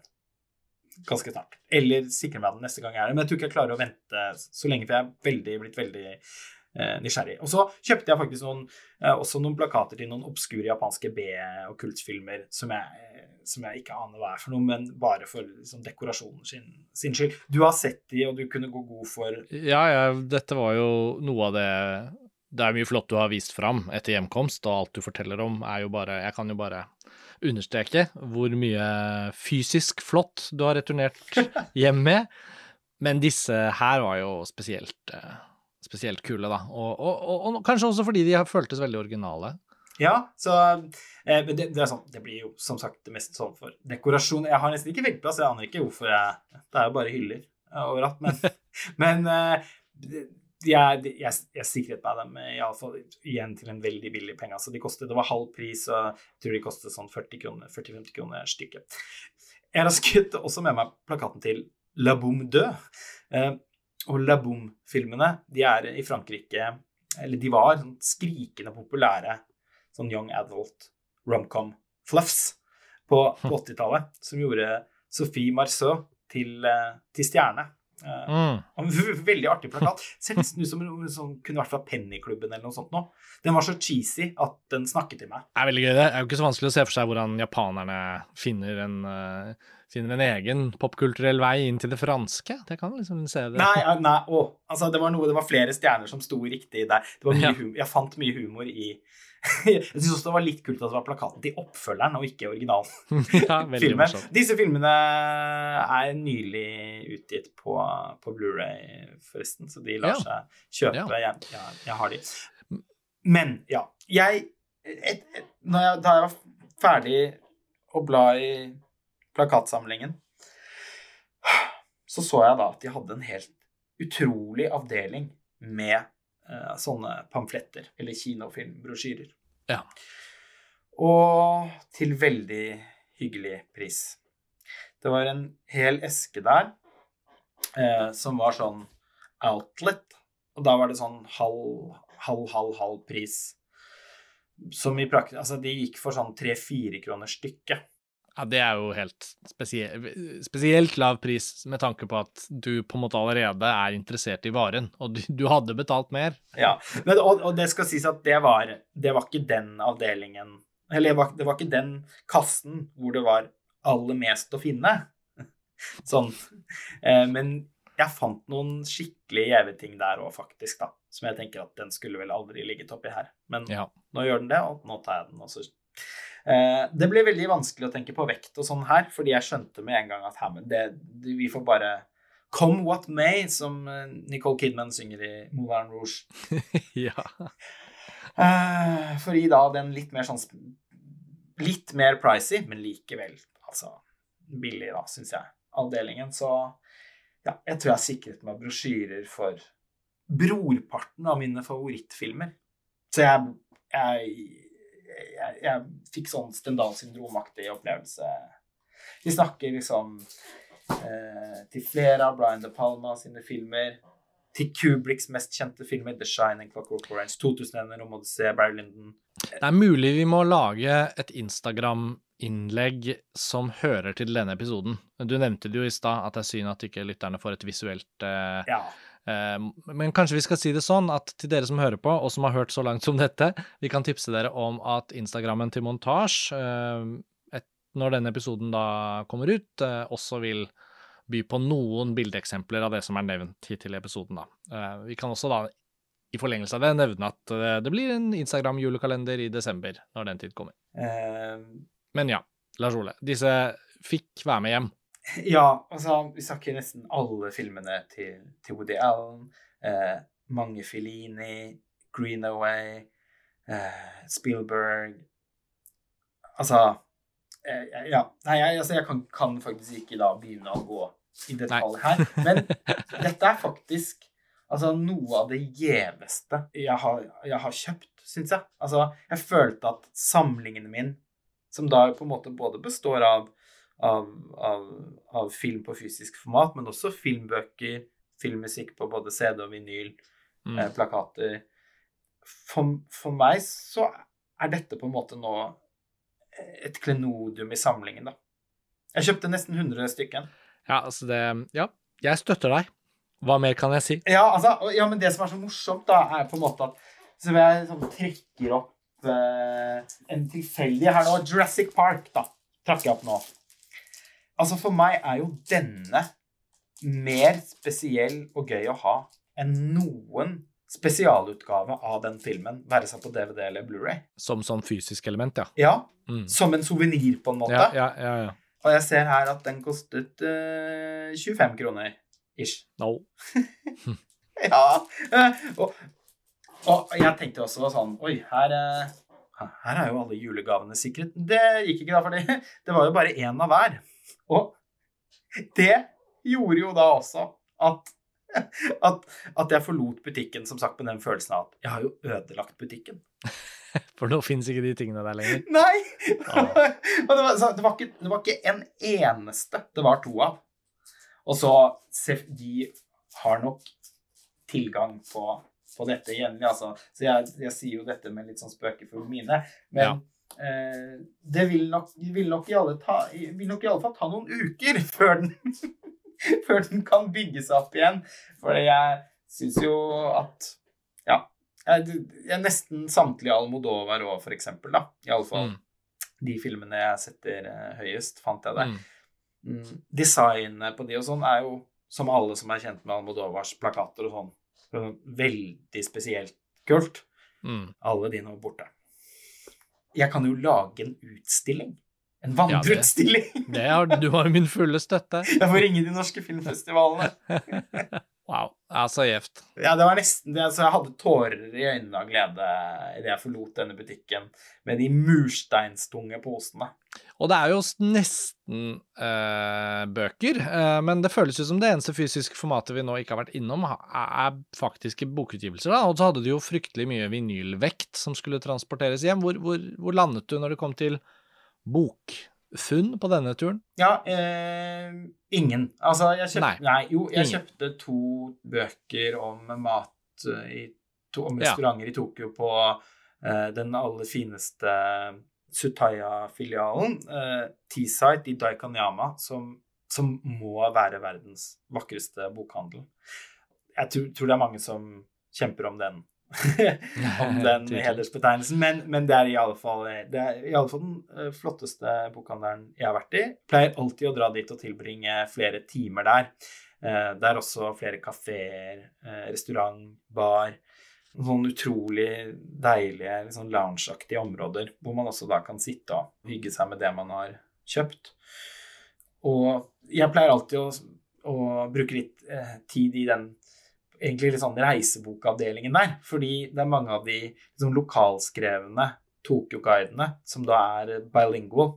Og de guidene er ofte heftigere, holdt jeg på å si, altså mer real. Hver gang jeg har vært eh, innom der, så har jeg kjøpt noen, noen sånne for å få litt sånn faglig påfyll. Men da er det i hovedsak knyttet til eh, de kulinariske utforskningene, da, som du eh, så vidt nevnte i stad, Karsten, at også er en ganske viktig del av min Ja, reisevirksomhet. men det blir en annen podkast. Ja. ja, jeg vet, mye, jeg vet hvor mye du har å formidle om alt du da opplever på en sånn type tur, men jeg syns jo du har fått trukket fram utrolig mange spesifikke funn og detaljer eh, allerede. Eh, vi beveger oss jo inn i da, det får vi si, er slutten av denne episoden, men, men det kan jo hende du brenner inne med noe, eller har noe på gulvet foran deg som vi ikke har fått nevnt, som er viktig å nevne. Hva, hva ville du, hvor ville du tatt oss med sånn avslutningsvis, da? Jeg vil bare nevne egentlig ett sted før vi kan si noe om Tokyo International Filmfestival. Ja. Uh, og det er uh, den filialen til Sutaya, uh, denne bokhandelkjeden, Ja. som ligger ved Shibuya Scramble Crossing. Altså denne bygningen der den brontosaurusen er i Lost in Translation, Ja. det er der. Nettopp. Og der har de to etasjer med videobutikk, DVD-er og Blu-rays til leie. Fantastisk. Og utvalget er så vanvittig imponerende. det, altså, og Tsutaya i Daikanyama har også en filmutleieavdeling, men den er ikke like imponerende som faktisk den eh, ved Shibuya Scramble. Nå for eksempel så var det egne hyller for A24 og Bloomhouse-produksjoner. Ok, såpass, ja. Ja. Og da japanske utgivelser, selvfølgelig. Det er ikke sånn at det er masse import der. Nei, men det er begge deler. Ja, det er det, ja. Ok, Mm. kult. Og det var Truffaut-utstilling, så det var en hel vegg bare med Truffaut og bilder av Truffaut. Da. de tar film på alvor i Japan. Ja. Og man blir helt rørt bare av å se. Altså, du vet at videobutikker for leie som det, det eksisterer liksom ikke. De som fins i, i New York og Los Angeles og sånn, er jo liksom bare for show. Ja, Det det er jo sånn sånne sånne hipsterfabrikker, på en måte. Ja, hipsterfabrikker. Sånne, Mm. det blir sånn sånne sykkelverksted slash kafeer i Oslo.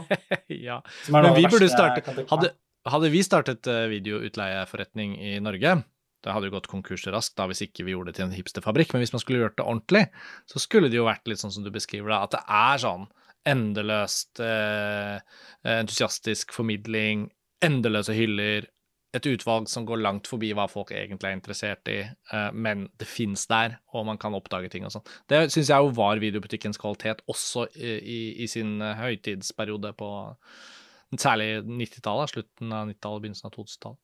Ja, nei, altså, det, det er et, et, et gripende syn. Og det var heller ikke helt ugripende å returnere til Tokyo internasjonale filmfestival. For der sto smittevernet i fokus, må man si. Ja, for, det, for japanerne må det jo ha vært eh, en, en litt sånn spennende tid, da. Eh, For deg var det jo noe du hadde ventet på lenge, og endelig kunne reise til Japan, men for dem må det jo ha vært Oi, nå kommer de. Nå er dørene åpnet. Ja, ja. venter oss? Så det må jo ha vært noen steder hvor de passet på, passet på litt ekstra, og det høres ut som at festivalen var et sånt sted. Ja da, det var mye sånn temperaturmåling og sånn for å komme inn eh, på steder. Jeg var heldigvis ikke noe, var ikke noe heller noe forkjøla eller noe mens jeg var der, så det var ikke noe problem. Men det kunne bydd på noen utfordringer da, hvis man ble rammet av noe annet som ikke var covid. Ja, ja. Det ville jo ikke da på en måte hatt noe å si. Men jeg, jeg- var egentlig litt forberedt på at japanerne som i utgangspunktet kan være ganske reserverte og litt fremmedskeptiske, for å si det med litt pene ord. Mm. Jeg var nok litt forberedt på at det kanskje ville være en del steder som ikke ønsket å ta imot utlendinger, da. Eh, Men det, sånn var det ikke. Tvert imot så har jeg vel sjelden opplevd mer sånn close talking og håndhilsing og Det ble veldig mye mer sosialisering på, på Isakayaen og sånn som jeg var på, enn jeg har opplevd tidligere, egentlig på noe tidspunkt. Nå har jeg ofte reist dit med andre, men jeg har også reist flere ganger alene, som jeg gjorde Mm. denne gangen. Og da, og da man Altså, da blir det jo Da er man i, i en situasjon der det egentlig blir mer naturlig å komme i kontakt med folk. Men, det- men det var mer med det denne gangen, og jeg følte helt genuint på at det var eh, at det var mange som syntes det var veldig hyggelig at, at landet var i sving igjen. Og at det kom gjester eh, og snakket også med dem om det. Og det var, eh, det var ingen sånn reservert tone på egentlig noe sted jeg var. Men som nevnt så var det enkelte butikker og noen få spisesteder, og rett og slett sånn kjøpesenter og sånt, som hadde temperaturmåling ved entré, da. Ja. Men på Tokyo internasjonale filmfestival, der eh, var det Der var det mye styr. Men var det litt rørende, det òg? Jeg syns kanskje det. Man måtte stille seg i en sånn liten kø for å bli heiset opp til eh, kinoen. Det har, tidligere så foregikk festivalen i Ropongi. Den har flyttet til Ginza. Og en kino der som ikke hadde vært på før. Ja. Og man ble loset inn tre og tre av gangen i en sånn liten heis. Og det gikk altså så langsomt at eh, jeg virkelig fryktet for å gå glipp av den Taifukura-bevisningen, selv om jeg hadde møtt opp i kjempegod tid. Alle ble, ble testet for, eh, for, for feber, og det var selvfølgelig Man måtte selvfølgelig ha på maske og sånn eh, Ja. hele tiden. Samtidig så var kiosken åpen, og der selger de jo ikke bare popkorn og cola og sjokolade, men også matretter. Eh, sånn, så det var flere som forsynte seg med alle varene der og brakte de inn i salen og satt og spiste. Så da, Ja.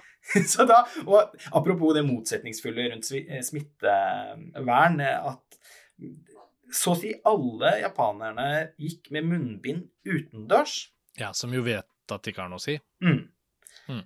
Eh, men straks man da var inne på en sånn isakaya, da var jo munnbindet eller, eller altså innendørs på steder der det skal spises og drikkes, så er det jo naturlig at munnbindet må falle. Men da var det ikke noe sånn eh, sånn som man, vi opplevde f.eks. da vi var i Venezia, Karsten. Eh, Ja. like liksom Mens det fortsatt var pandemi, men vi hadde fått Mm. to vaksinedoser og sånn.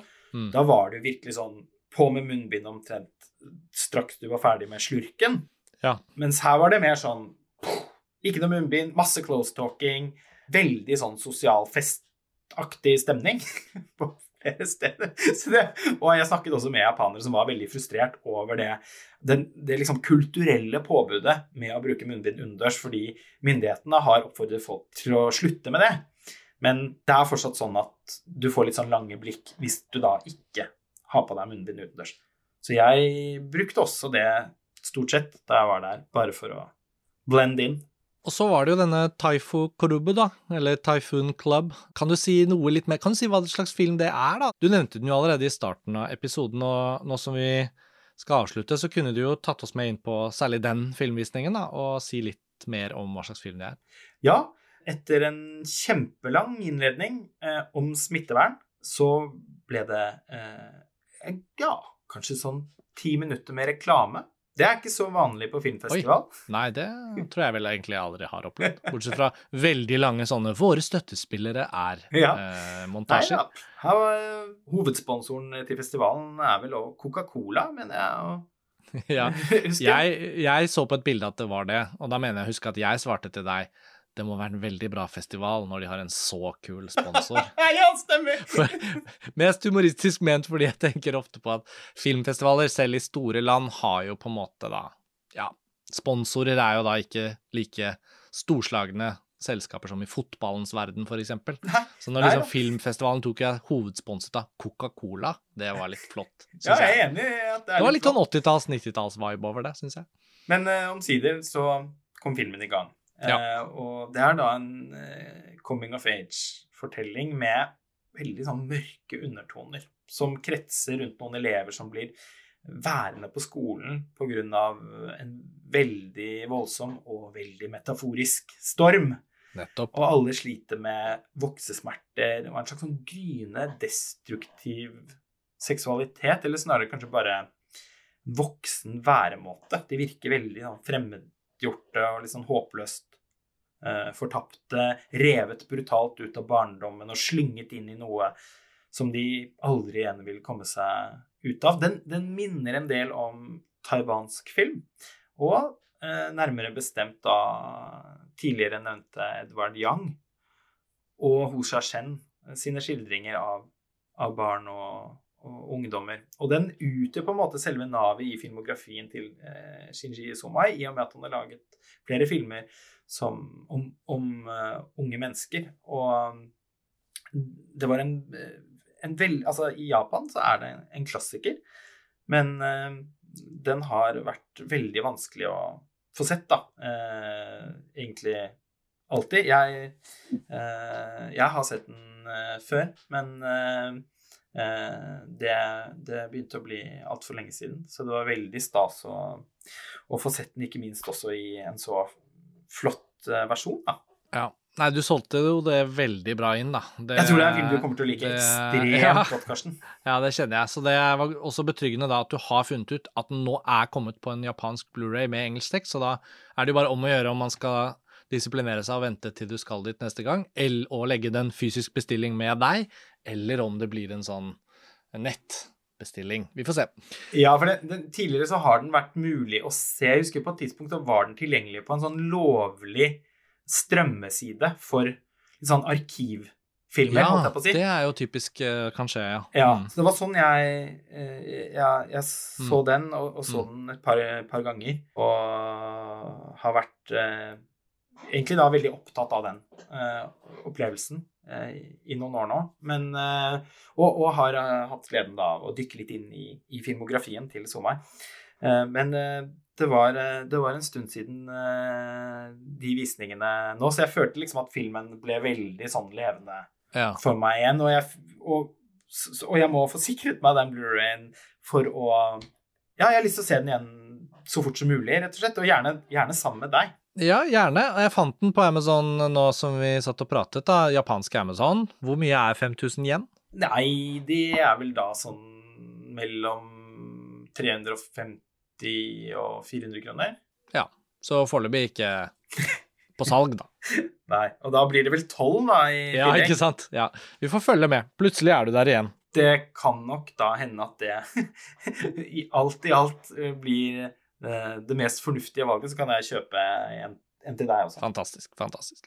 Lars Ole, det er ganske lenge siden vi har laget en nesten to timer lang podkastepisode som bare du og jeg. Det Ja. føltes nesten som et litt sånn nostalgielement i seg selv. Enig. Um, helt to timer er den jo ikke, da, men um, jeg tenkte jo at fysisk formatserien kom til å enten bestå av veldig lange samtaler, sånn som denne, og vi visste jo at vi skulle snakke i ro og make om dette etter at du hadde kommet hjem fra Japan, eller litt kortere episoder hvor vi på en måte kaster et lite raskt blikk over noe vi velger oss ut som et fokus. Og jeg tror den neste episoden kan vi, kan vi vel varsle vil ha et litt sånt uh, kjappere drag over seg, med et litt sånn spesifikt fokus. Men vi skal ikke si hva det er ennå. Em, helt til slutt, Lars Ole, er det noe siste du har lyst til å si, bortsett fra at du anbefaler alle å dra til Tokyo?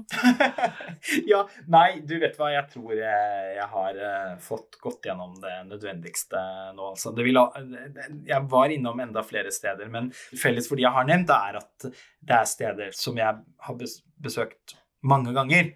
Eh, unntaket var den plateforretningen Ultra Shibuya. Den var ny for meg. Ja. Der jeg gikk på den første vektsmellen med alle disse Aidorupop-vinylene. Men de andre stedene her har jeg da vært innom flere ganger tidligere. Men også da med unntak av denne filmpamflettplakatbutikken i Imbocho. Og den, altså, jeg klarte, jeg, jeg klarte ikke å finne ut av hva den het. eh, eh, Dessverre, men eh, jeg skal vel alltid kanskje kunne hjelpe noen med noen koordinater ja hvis, den, hvis de tar kontakt. for den eventyrlystne så kan de jo søke i landskapet når de beveger seg rundt i riktig bydel, får vi håpe. Men eh, nei, det var jo som et reisebrev dette, Lars Ole, selv om vi ikke fikk gjort det som et faktisk reisebrev på stedet. Nei, litt sånn forsinket reisebrev. Eh, ja, vi lagde jo et ekte reisebrev den fra Hongkong, da, den episoden, det er vel Filmfrelst 331, og det begynner jo faktisk å bli noen år siden det òg. Så vi får håpe at det blir flere anledninger da i fremtiden til å gjøre lignende ting fra andre land eller steder vi besøker enten alene eller sammen, eh, hvor man kan fortelle litt om fysisk format og ståa, sånn sett. Men Lars Ole, tusen, tusen takk for alt du forteller om. Jeg føler jo at jeg er førstelytteren her i denne episoden og får lov å, å være med på det. Og jeg har jo sett noen av disse utgivelsene du har snakket om, så jeg vet hvor gjeve de er. Eh, til dere som hører på, takk for at dere følger Filmfrelst som dere gjør. Yes. Ha det bra, Lars Ole. Matane. Matane.